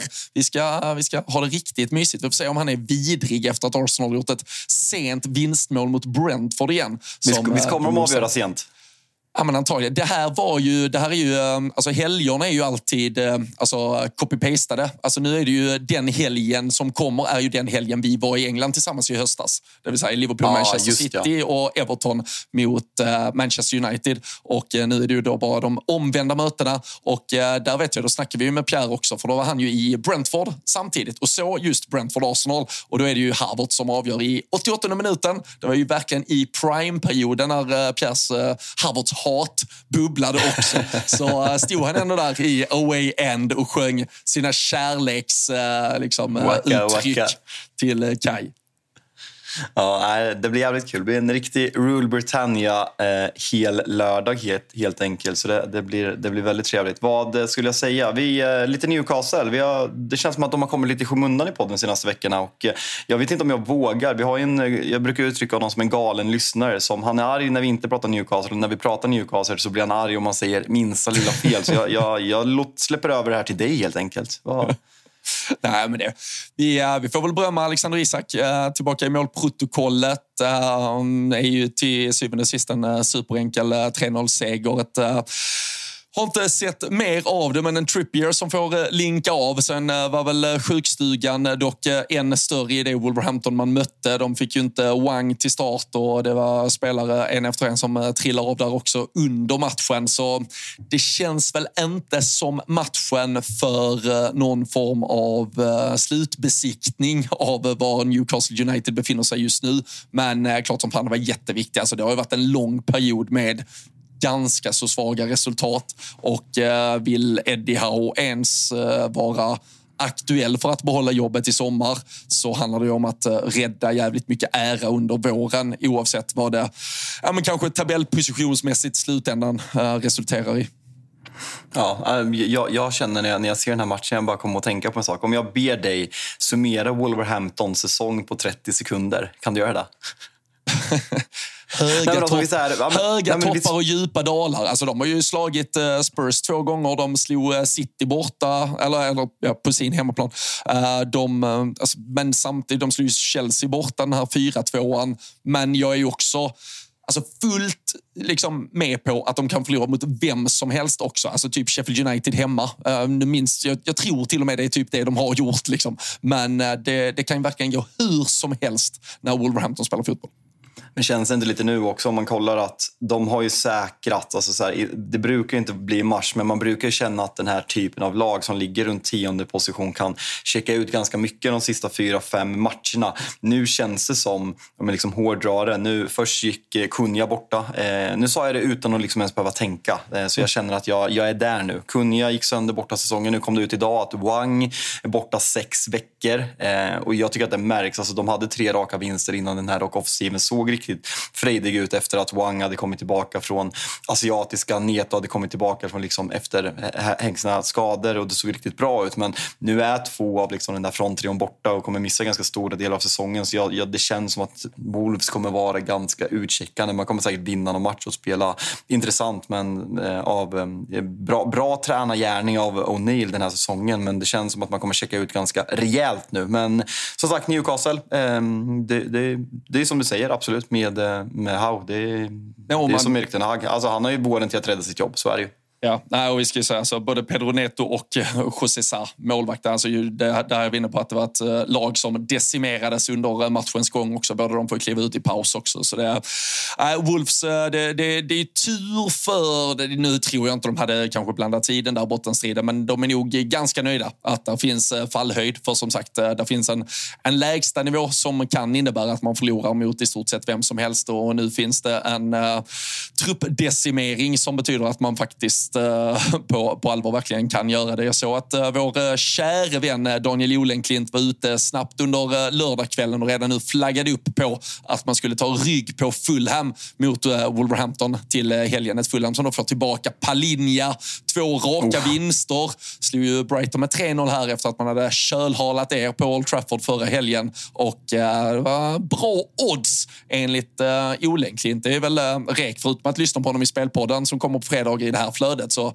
följa Wise Betting på Twitter ifall man vill ha lite spelreka då och då också. Det kan vi väl varmt rekommendera. Ja, men det tycker jag verkligen. Ska fan sätta pling på hans eh, Twitter just nu. För då, men då, men så här, man ser det ofta någon timme senare och då har de typ gått ner. Så, då är det kört. Nej, det, är det ja, nej, men, nej, men verkligen. Vad, eh, vad skulle jag säga eh, gällande... Ja, men Fulham, de också så här att jag... Vi pratade innan säsongen att det kändes lite att ja, men när Mitrovic gick, vi var väldigt, liksom, jag hade ju ett hipsterval förra säsongen om vi liksom bortser från att årets tränare alltid är den bästa tränaren och att Pep Guardiola och Jürgen Klopp borde vinna hela tiden så tyckte jag att Marco Silva var säsongens tränare för alla tippade att de skulle åka ut och han slutade väl på tionde plats i slut och sen kändes det lite som att nu är det slut på det roliga. Mitrovic har försvunnit, det känns som en liten neddegradering. Man liksom börjar säsongen ganska slappt och tråkigt men fan man har kommit igång på riktigt nu. Alltså man ligger 12 och liksom, ja, men ett jättestabilt mittenlag. Och eh, känslan är nu att man... Sen är det ju med, med tanke på att de tre nykomlingarna är svaga. Everton är väldigt svaga, Nottingham är svaga, Brentford är svaga. Eh, Pallas är också svaga. Det, man är inte så jävla långt ifrån det. Men jag tycker ändå att man på något sätt etablerar sig. Jag tycker Marco Silva, lite bortglömd säsong för att det inte är lika bra som förra året. Men likväl en jättebra tränargärning. Och eh, kul att se att man faktiskt kan göra saker som tränare även om resurserna inte är jättestora. Att det går att även om man har skador och avstängningar på vissa matcher. Att man kan prestera bra och vinna matcher utan att bara skylla på det i supporterled och eh, i eh, tränarled. Eh, ja. Nu kom, det, kom, det, det kom, kom hatet till slut. men, men, det är, men det är ju det, är det här jag tycker faktiskt, som sagt med tanke på att vi, vi kommer ha en vår av spekulationer och jag, jag förstår att nu, nu, nu, landar vi i någonting vi har landat i förr också kring en Roberto De Serbi. Men här, här har vi då ett Fulham som vinner med 3-0 mot, mot Brighton. Vi har ett tabelläge där detta då Roberto De Serbi ledda Brighton ligger på en nionde plats på 39 poäng. Wolves, Gary O'Neill, tionde plats med 38 poäng. Fulham, tolfte plats med 35 poäng. Är det, alltså sen förstår jag att vi kan, vi kan liksom eh, nagelfara fotbollen och titta på vad det är man gör och vilka processer man bygger och vart man eh, spelmässigt eventuellt är på väg. Men tittar man på materialet, är, är Wolves material så mycket bättre. Alltså var, var står de här materialen sig? Fulham, Wolves, Brighton när tränargärningen renderar i, i stort sett samma tabelläge, samma poäng. Är det då rimligt att Roberto De Serbi är tränaren som pratas om att han ska ta över Liverpool när vi nog hade garvat ifall det var Marco Silva eller Gary O'Neill det pratades om som skulle ta över Liverpool. Um, som sagt, jag förstår att det finns andra parametrar också att ta in, men det är i alla fall den parametern som gör att jag inte är intresserad. För jag tycker inte att man har skapat något som är så resultatmässigt wow så att det går att eh, ja, men bara flytta över det i en eh, storklubbsmiljö där det förväntas just resultat och inte så jävla mycket annat, i alla fall inledningsvis. Ja, nej, verkligen. Vill du prata om eh, fusket? Eh, ni... City Ground avgör i 88, intervall uppenbarligen. 88, 99 för fan. Alltså, ja, men det, ja, men det var ju vi som avgjorde i 88. Det var det jag menade. Ja, men precis. Ja, men ni, fick väl, ni behövde ju eh, lite domarhjälp. Det, det behövde inte vi. Jag, jag tycker att vi... Eh, vi men får, jag, får, jag fråga, får jag fråga en sak? Eh, jag, jag har faktiskt missat det här helt, men tydligen lite liv där de har kallat något domslut för outrageous i Match of the Day igår. Och Det är liksom BBC, det är liksom statligt, statligt sändning. vad, vad är det som har hänt här? Alltså för det första, men vi får ju ta med oss här. Uh, Nottingham har ju alltså anställt, uh, du minns Mark Clattenburg, gamla stordomaren? Ja, Kanske. det där gick ju Gary Neville ut och såg, toksåga. Och det, är, det är vidrigt. Det, är ju det här jag har varit inne på. Att så här, ska en domare analysera och sen vad man kan överklaga, bara håll käften istället. Ja, Åk ur. Och, och det är väl liksom, jag, jag, vet inte hur mycket, om han bara är liksom då bollplanket för vad de ska överklaga eller om han också... Det hade jag i och för sig så här, det har jag tyckt att klubbar kanske borde vara bättre på. I alla fall. Sen gör de väl att de får väl alltid någon sån här jävla någon kuf från förbundet som kommer ut och ska berätta lite om eh, nya domar, alltså här, regler, tillämpningar, hur de kommer att tänka under säsongen. Men det känns som att många spelare hade kanske behövt sätta sig ner lite längre med en domare bara för att lära sig. Alltså, här har du ändå lite smågrejer du kan dra lite vinning av. Men Mark Clattenburg är i alla fall på något sätt inkopplad till Nottingham och han var ju ute och uttalade sig nu att nu sitter de och går igenom olika eh, situationer för att se hur de ska bygga ett case för någon form av överklagan här. Och då är det liksom bara så här, alltså antingen så finns där ett case och då, då sitter hela fotbollsvärlden och pratar om det caset. Och det är klart, skicka in någon liten klagan om ni tycker något har varit helt åt helvete. Men ni kan inte bara känna att här kanske finns ett litet case och sen sätta er och kolla igenom 99, 99 minuter fotboll till för att försöka bygga det där caset. Men det som verkar vara det som folk är förbannade över är ju att det är någon situation där Kelleher och eh, Konate krockar i typ 95-96 minuten på någon hörna som Nottingham har. Och eh, sen går bollen ut till Hodgson och Doy. Han ska slå ett inlägg, men men då blåser domaren av och eh, man tror väl kanske att han hittar en frispark till Konate, men det gör han inte utan han blåser av för att det är en duell och att Konate ligger och har ont uppenbarligen. Men då startar han spelet med ett nedsläpp till Kelleher fast att Nottingham hade bollen och sen så startar då Kelleher ett, ett anfall som är det som resulterar i en hörna som sen är det som resulterar i ja, andra vågs uh, bollen in då. Så, så det, är väldigt många händelser efter helt enkelt? Det är jättemånga och det var dessutom någon som sen hade kollat upp att det var en situation om det var i första eller andra halvleken, där det hände en exakt likadan situation i Nottinghams straffområde och då gjorde man exakt likadant för att tydligen det fanns också något i regelboken att om bollen spelas ut ur straffområdet eh, men ingen riktigt har kontroll på den och du blåser av, då ska du starta spelet med att göra ett nedsläpp till målvakten. Så det, det känns ju inte som någonting och alla som, och jag hoppas verkligen att du bara gör det med lite ironi i eh, tonläget här för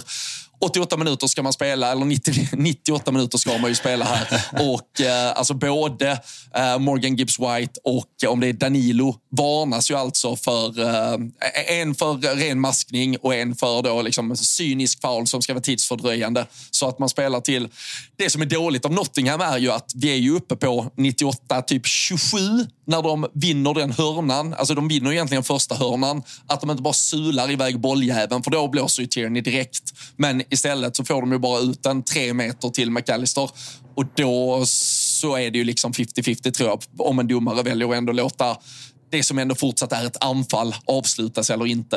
Uh, så, alltså McAllister slår inlägget så jävla fort. Alltså det där, jag tycker yeah. att det, alltså, nej, det, det är inget man kan hålla på liksom. Jag, jag, jag skämtar såklart. Eh, vad heter det? Men nej, en jävla styrka. Och, eh, är det bläckfisken Jalkemo nu eller, som eh, såg det här komma redan i 75 minuten när du satt på Arlanda och var hatisk och sa att det är det sämsta du sett hela ditt liv? ja, nej, du, du hade en stark eh, tipshelg. Du konstaterade ju först i Tutla Weekend i, uh, i lördags morse när jag frågade dig om om, om United hade någon form av uh, chans att uh, slå City och bara nej, nej, nej. Och, nej. sen, det var tydligt. Ja, det var tydligt. Och sen skickade som sagt med 20 minuter kvar att det här där avgör Darwin. eh, lugn och ro. eh, sitt ner i båten. Och eh, blev ju till slut tydligen Liverpools eh, då, eh, historiskt senaste. Alltså liksom, eh, så här sent har vi aldrig avgjort en match. Och så nu också, på tal om, var det förra, inte förra avsnittet kanske, men förra veckan eller någonting vi satt och pratade om det där, just mål som faktiskt betyder något. alltså kontra att göra det där vinnande målet istället för att rulla in 4-0 i en överkörning. Eh, Darwin är ju alltså han är högt uppe där just nu. Alltså I stort sett varenda mål han gör betyder poäng för eh, Liverpool. Han gör antingen, jag tror, Sju mål har han gjort på bortaplan, varav eh, tre har varit matchvinnande och fyra har varit 1-0 mål. Eh, vilket tenderar att i alla fall sätta prägel på matchen. Så just att göra viktiga mål, där, där, där är han i topp, den gode Nunes. Ja, nej, fan han är otrolig och det, alltså det, det, är så konstigt. Alltså, kollar man på situationen nu, sen är det, det är så svårt med Liverpool, för Liverpool innan alla de här skadorna var ju där City och Arsenal är till viss del. Att man liksom kände att de var helt ostoppbara. Det är ju en jättestyrka i sig, kanske en ännu mer imponerande styrka att fortsätta vinna när man har så många spelare borta, framförallt viktiga spelare. Men det, det, det, känns ju verkligen som att allt är skrivet i stjärnorna just nu. För det är mycket marginaler på väldigt, så här, alltså det är väldigt många matcher i rad där det är väldigt mycket marginaler. Och det känns som att vad Liverpool än gör så hittar man sätt att vinna under Jürgen Klopp nu. Och liksom att det blir ännu mer att man tänker det och att det sätter sig i väggarna och i omklädningsrummet och i psyket. När man vet att det är Jürgen Klopps jo, det... sista år och att man kan vinna de här tre titlarna när man redan vunnit den. Ja, och det var det jag, jag, jag skickade ut någon tweet. Alltså, för jag tror just det, det som en sån match gör igår och det som de tre poängen gör som är jävligt mycket mer än tre poäng. Det är ju någonstans att supportrar han ändå känna, tror jag precis som jag, att okej, okay, det, det gick inte längre att göra det med så mycket spelare borta som det har varit de senaste veckorna. Det, det fanns en en kakelvägg vi till slut sprang rakt in i. Att då, dels för att ge det till våra egna supportrar att vi hittar sättet att vinna på det här sättet, men också till motståndarsupportrar som har suttit och sett att ja, men någon gång, alltså, det kommer ju ta slut. De kan ju inte bara liksom köra på ändå och sen få det här. Och det, det märktes kan jag säga på min Twitter i alla fall att eh, Arsenal-supportrarna kände ungefär sådär att eh, det här bara var vidrigt och vedervärdigt. Och, eh, på samma sätt så kommer ju hela Liverpool-laget på eh, den bussresan hem från Nottingham känna att eh, fan, kan vi till och med vinna på det här sättet, då kan vi ju fan vinna på vilket jävla sätt som helst. Och, och jag tror det är som Klopp har gjort jävligt bra. För hade du bara tittat och spolat eller zoomat ut och tittat fram över hela den här våren med att vi ska slåss på tre olika fronter och det ska vinnas över Manchester United i FA-cupen. Det ska besegras massa lag i massa olika stadier i ett Europa League för att ta sig hela vägen. Det ska slåss mot ett Manchester City som är så Manchester City bra som de är och ett Arsenal i en liga liksom sport här Tittar du då på truppen, på skadeläget, då, då är det ganska lätt att se man säga, mörker i det. Men tittar du bara på den trupp vi ändå kommer med till Nottingham, tittar du bara på den elva vi ställer ut mot Nottingham, nog fan kan vi väl slå Nottingham över 99 minuters fotboll. Och den tron, alltså det är ju så jävla liksom, eh, vad ska man säga, politiskt korrekt att prata om att vi tar en match i taget. Men här tror jag att Liverpool har landat i det på ett jävligt sunt sätt, hur man verkligen tar en match i taget och det gör att de spelarna som ändå möter är Nottingham känner att vi kan i alla fall slå Nottingham. Sen får vi se hur fan vi vinner de andra elva matcherna och eh, det, det har väl varit den mentala styrkan i det här Liverpool-laget de senaste veckorna. Det var sjukt för mig, för jag, ja, men du, du märkte att jag varit irriterad i, i söndags när ni vann ligacupen. Då, då liksom pikade Liverpool-hatet. Men igår, det var så här, jag... Alltså det, det, det bekom mig inte. Eh, jag skrev typ ja, men till, till er privat, bara, jag är glad för er skull. Hoppas ni får en bra kväll. Ni är fina människor, ni, ni förtjänar det här. Jag vet inte vad det var med mig igår. Jag bara, jag bara kände mig en värme i kroppen. Ja, ja, Kanske var bli, lunchen på Adria som gjorde det. Kan det verkligen ha varit. Jag börjar, bli orolig för dig, Fabian. Fabian. När, men, när, när jag har men, känt på hur det känns ja. att heja på Manchester United. det, du kan inte må bra egentligen. Du måste, man, måste du måste hitta, man, måste hitta, man måste hitta andra vinklar ja. för att hitta glädje i livet. Men snabb, eh, vi kommer ju såklart prata upp eh, söndagens match eh, mer i, i, i, andra avsnittet den här veckan. Men hur, om vi bara pratar, ni ska möta Prag. Vilket Prag ska ni ens möta? Eh, Sparta, tror jag. Ja, ja, ja. och skiter väl i vilket Praglag vi möter. Ska Europaguden dit eller? Eh, Europaguden eh, Jocke Lundberg är på plats tillsammans med Riksbank eh, Oskar Ripström. Som, eh, Fan, ska, som, vi som ring, ska vi ringa dem en liten snabbis på, uh, i, på onsdag? Onsdag, kväll, onsdag. Ska vi fan göra. Få en liten live-rapport ner från Prag inför Liverpools match. Men tror du, tror du är Salah tillbaka? Vad, eh, vad är status Trent inför Nej, City? Kommer det roteras satan, alltså B-lag typ i Prag? Eller vad, vad är känslan? Ja, men det hoppas jag. Alltså, med, med tanke på att det, det dessutom är ett eh, dubbelmöte och vi börjar borta. Eh, alltså jag, jag antar att spelar vi, startar vi bara spelare som vi inte vill starta mot Manchester City så bör det ändå vara tillräckligt bra spelare för att vi i värsta fall bara förlorar med ett mål mot Sparta Prag och då får vi väl lägga fokus på att vända det sen i returmötet. Vi kan inte kosta på oss någonting eh, i det där bortamötet i alla fall. Så alltså, Är det sagt något med Salah eller? Alltså typ att fan kom Att den är- in och ja, men spela lite för mycket. Bör vara redo till City i alla fall. Det, det var vad man sa i fredags. Då, då var det ju att eh, ja, men Szoboszlai och eh, Nunes båda tillbaka och båda kommer ju in under matchen också. Ändå kommer ju dessutom in han med som hade varit lite osäker i veckan. Men eh, Salah ska vara redo för City. Så det är ju ändå det är inte optimala förutsättningar. Dessutom verkar väl, eh, det kommer ju uppgifter på att eh, Alissons skada kanske är ännu allvarligare än eh, så allvarlig som man ändå först Jag typ trodde. bort att han är borta. Ja, och, då, ja, och det, alltså, jag har ju varit den första ty- tyvärr att kritisera Keller tidigare under säsongen när han har hoppat in. Men de tre, fyra senaste matcherna har han ju varit helt överjävlig. Jag, jag slaktade väl han lite för att han släppte in 1-0 målet mot Luton här för en och en halv vecka sedan. Men sedan dess har han ju hållit nollan. Han stängde igen andra halvleken där, stängde igen i 120 minuter mot Chelsea, stängde igen mot Southampton i kuppen, stänger igen här mot Nottingham.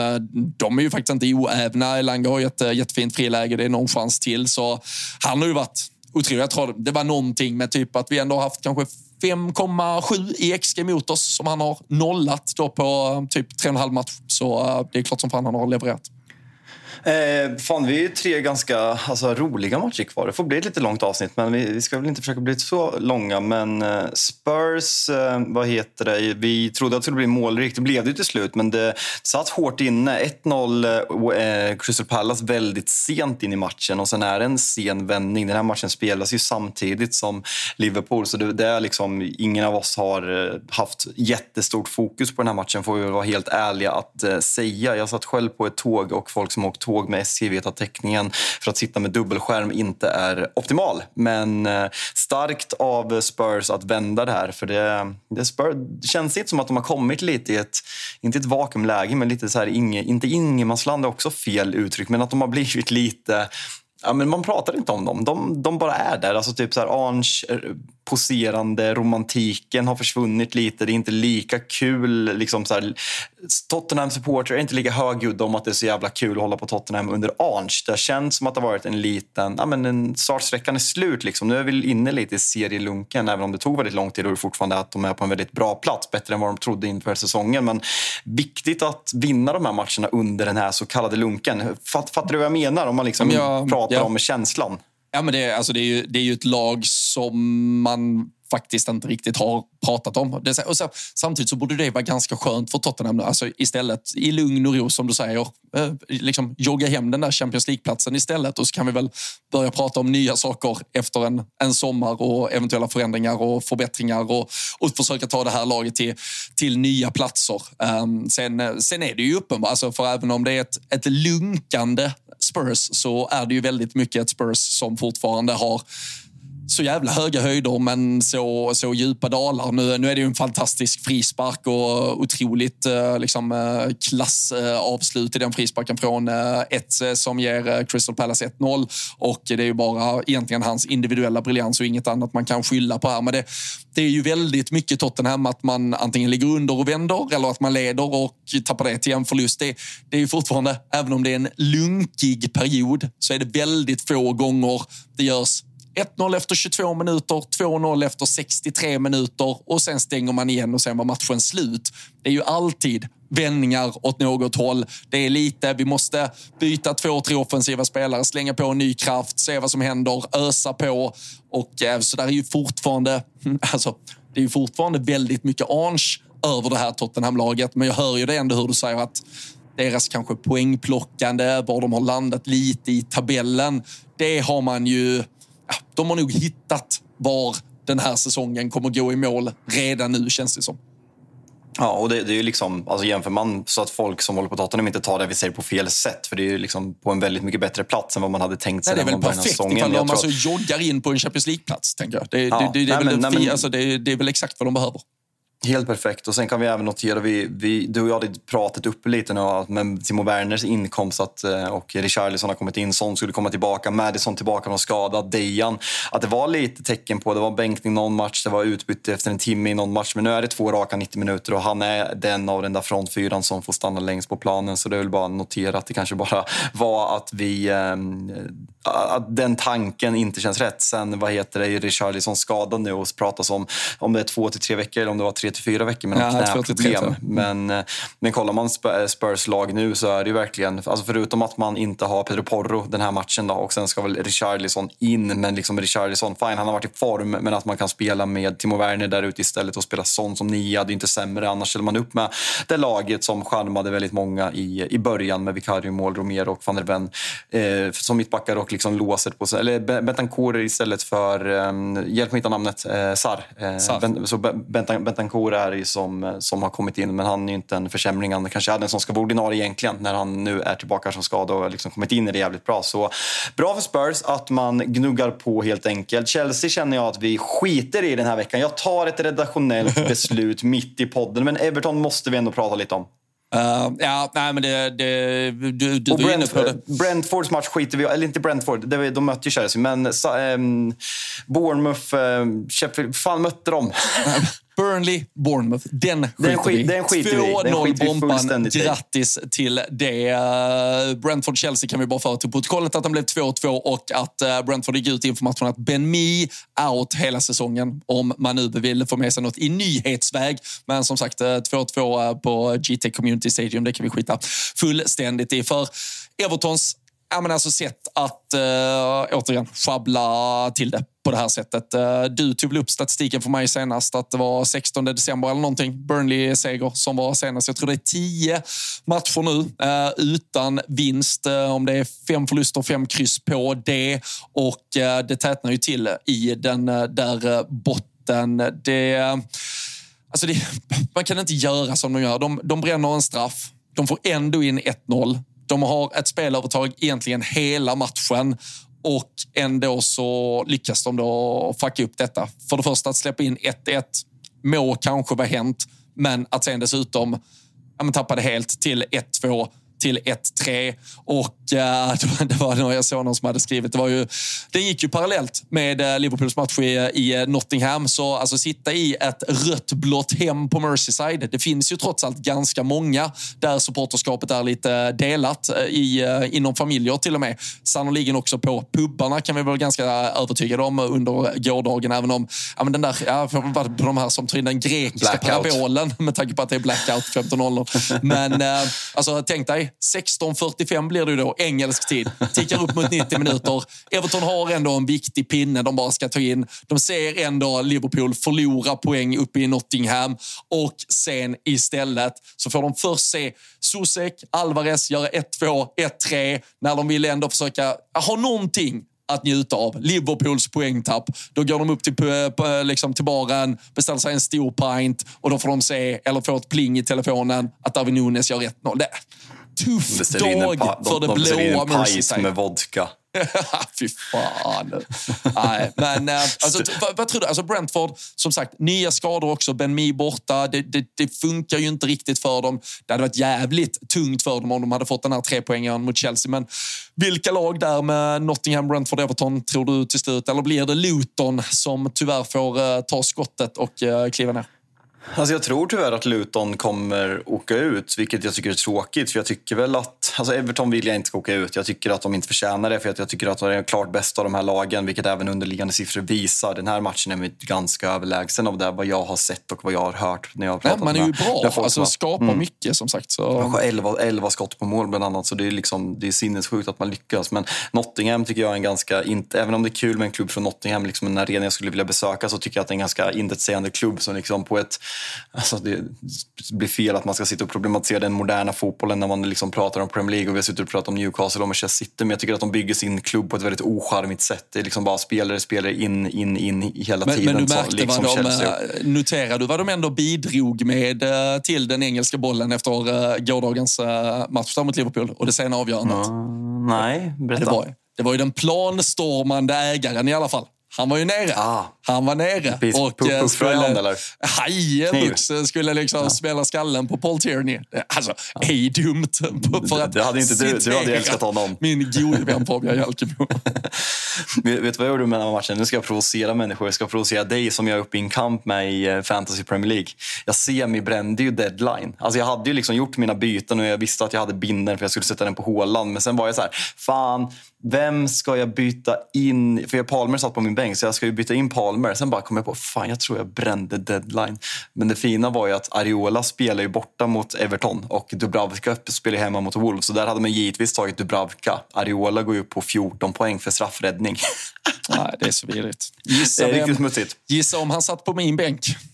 Men han sitter på allas bänk. Nej, men det, är, det är riktigt smutsigt. Så där kör jag liksom hands down på en semibränd deadline som ger mig en straffräddning helt enkelt. Så jag får vara tacksam här. Men nej, fan Everton. eh, Det, sen samtidigt, jag, jag frågade Olen Clinton när vi körde spel på den live i Total Weekend förra veckan. att Hur lång tid tar det till att man måste sluta prata underliggande siffror? När man liksom kan kolla på Everton och inse att de bara är piss. Även om underliggande siffror gång på gång visar att de är bättre än vad de ska ligga. De är liksom före Manchester United. Inte XG-tabellen ganska tydligt. Jag tror att man ligger upp mot sjunde, åttonde plats i Premier League. Men man är liksom och slåss om nedflyttning på liksom in real life. Så när går gränsen för att man bara ska skita i underliggande och inse att de är för dåliga? Eh, och det, det är en svår fråga. Det, det finns inget rakt svar på. Men det är intressant så är med. Everton Alltså- att det skiljer sig så extremt mycket.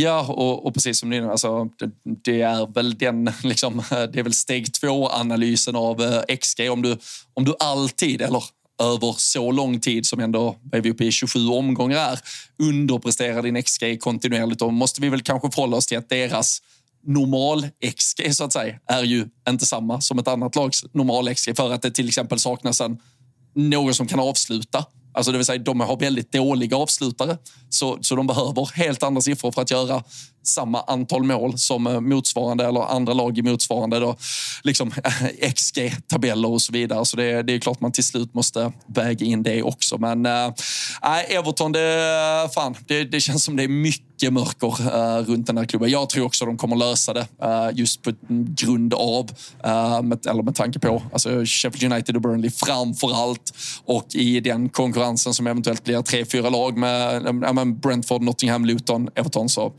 så löser väl Everton det till eh, slut eh, i alla fall. Men eh, tuffa tider för de blå. Ja, det tror jag med. Men vad heter det, som sagt, vi, eh, vi kör watchalong på tisdag, onsdag. Det är jävla super-lineups båda dagarna och det är kul att eh, liksom, det har gått upp och upp i tittning. Så det, det är jävligt kul att ni är många som hittar med oss på Toto Live Weekend på som, eh, eller Toto Live som Youtube-kanalen heter och det är där vi kommer göra väldigt mycket saker under sommarens EM också. Så in och tryck på prenumerera på Youtube. Följ oss på Instagram har vi inte snackat om på länge med Rule Britannia Podcast eller Rule Brit Podcast kanske. Nej, jag tror att det är Rule Britannia Podcast. Ni, ni, Eh, ni Rule löser det där. Britannia podcast är det på Instagram. Rule Brit podcast är det på eh, Twitter. Det är väl någon eh, Så liten eh, teckenbegränsning och skit där. Och eh, det är ju så här, jag, eh, alltså du, du tog ju mig i eh, en, en grusig måndagmorgon eh, senast när vi pratade ner eh, ligacupfinalen och summerade en eh, passerad vecka och med tanke på att van Dijk där och då stod liksom Just ja, krönt just ja. som kung av eh, England eh, och eh, Nej, med eh, sovandes bredvid sig säkerligen i sängen där söndag till måndag så, så hade han ju om jag hade varit vid mina sinnesfulla bruk eh, blivit lad of the week. Vi eh, brände den helt och hållet. Vi, det är bara liksom hands up och eh, erkänna det misstaget. Ingen lad och ingen fool förra veckan, men vi måste väl sätta någon på tronen och någon i skamvrån efter den här veckan. Ja, nej, men det tycker jag. Fan, jag. Jag måste bara skriva upp det där körschemat. Jag är en ganska glömsk människa, så det är tur att jag har det. Men det var, det var skönt att slippa van Dijk-runket förra veckan, så det kanske var taktiskt så att jag inte glömde det. Vi låter det vara osagt. Men vad har vi för alternativ den här veckan? Då? Vi har Phil Foden såklart som avgör ett Manchester-derby samtidigt. Hur jävla svårt är det egentligen? Vi har Ollie Watkins som går upp på andra plats i skytteligan. Två mål mot två Luton. Mot Luton, det går. Nej, alltså, nej, det är jo. Rasmus Höjlund fick det för två mål mot Luton och han kom också från ett Manchester United. Så vi, sätta han, ska vi sätta han på Saka innan matchen mot Sheffield United? Eller? Vi får ett hattrick. Alltså jag, jag, jag har en sjuk bubbla. Han, han kommer inte bli det. Darwin. Men jag, nej, nej, nej, men jag har alltså shoutout till något helt annat som jag, jag fick upp i mitt flöde. Och vi, nu pratar vi inte Chelsea, men eh, det är faktiskt Chelsea-kopplat. eh, För jag, jag tyckte den var så jävla cool. Eh, Du, du ser ju ofta de här Alltså det, det, det är pinsamt nog ofta lite för gamla människor som gör det också. Men ofta kidsen som eh, kliver in på arenorna har haft lite tur, får en ganska bra biljett kanske, så att de sitter ganska långt fram mot, eh, mot spelarna. Och så kör de ju eh, I mean, “Can I have your shirt?” och antingen riktat till någon spelare eller något, ett stort plakat. Du, du har sett de här i alla fall och det tror jag de flesta har. Men då är det en Chelsea-grabb men typ sju år gammal, kör ju plakatet istället. I don't want your shirt, I just want you to fight for the shirt.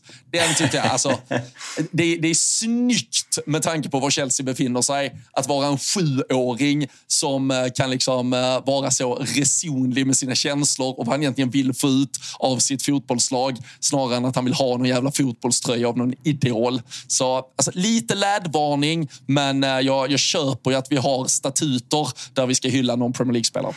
Det där, det där är så jävla kul, alltså det där klassiska klippet när, eh, när en United-supporter, typ 10-12 år, får frågan “Who's your favorite player in, the, in Manchester United?”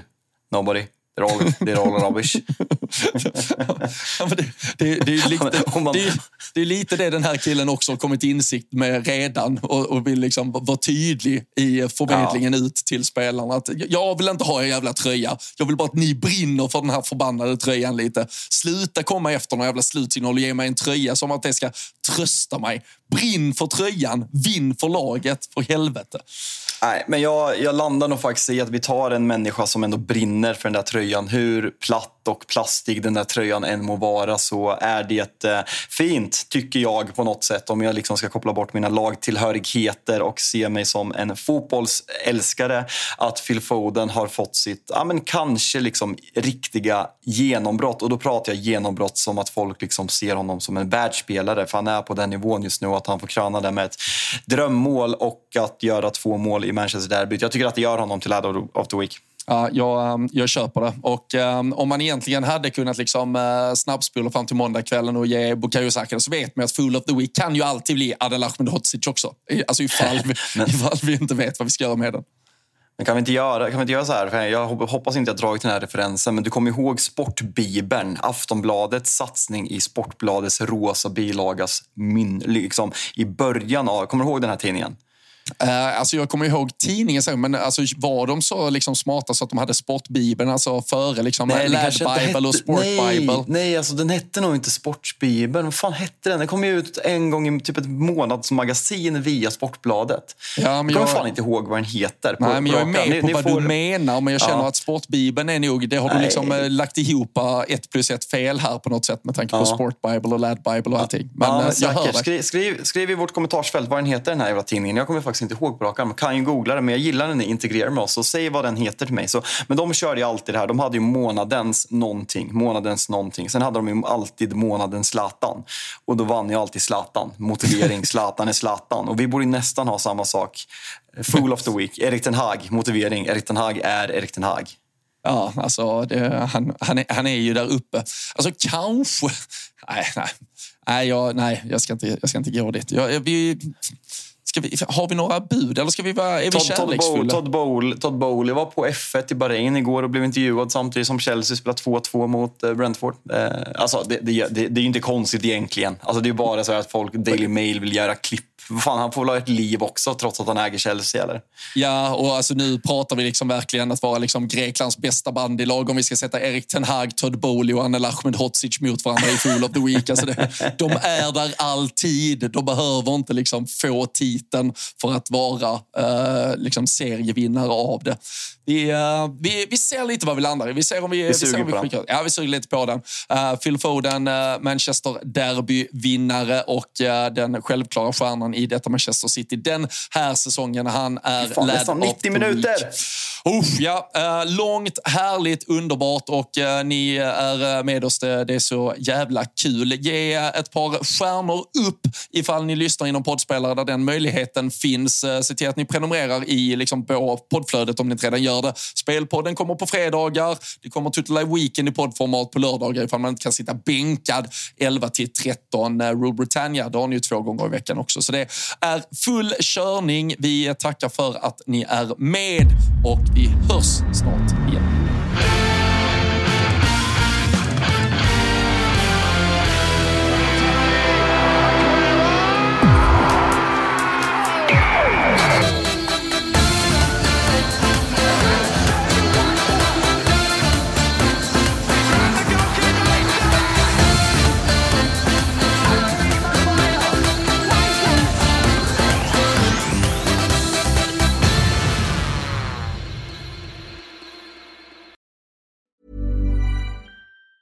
Hi, I'm Daniel, founder of Pretty Litter. Did you know cats tend to hide symptoms of sickness and pain? I learned this the hard way after losing my cat, Gingy. So I created Pretty Litter, a health monitoring litter that helps detect early signs of illness by changing colors, saving you money and potentially your cat's life. Pretty Litter is veterinarian developed, and it's the easiest way to keep tabs on your fur baby's health right at home. Go to prettylitter.com and use code ACAST for 20% off your first order and a free cat toy. Terms and conditions apply. See site for details.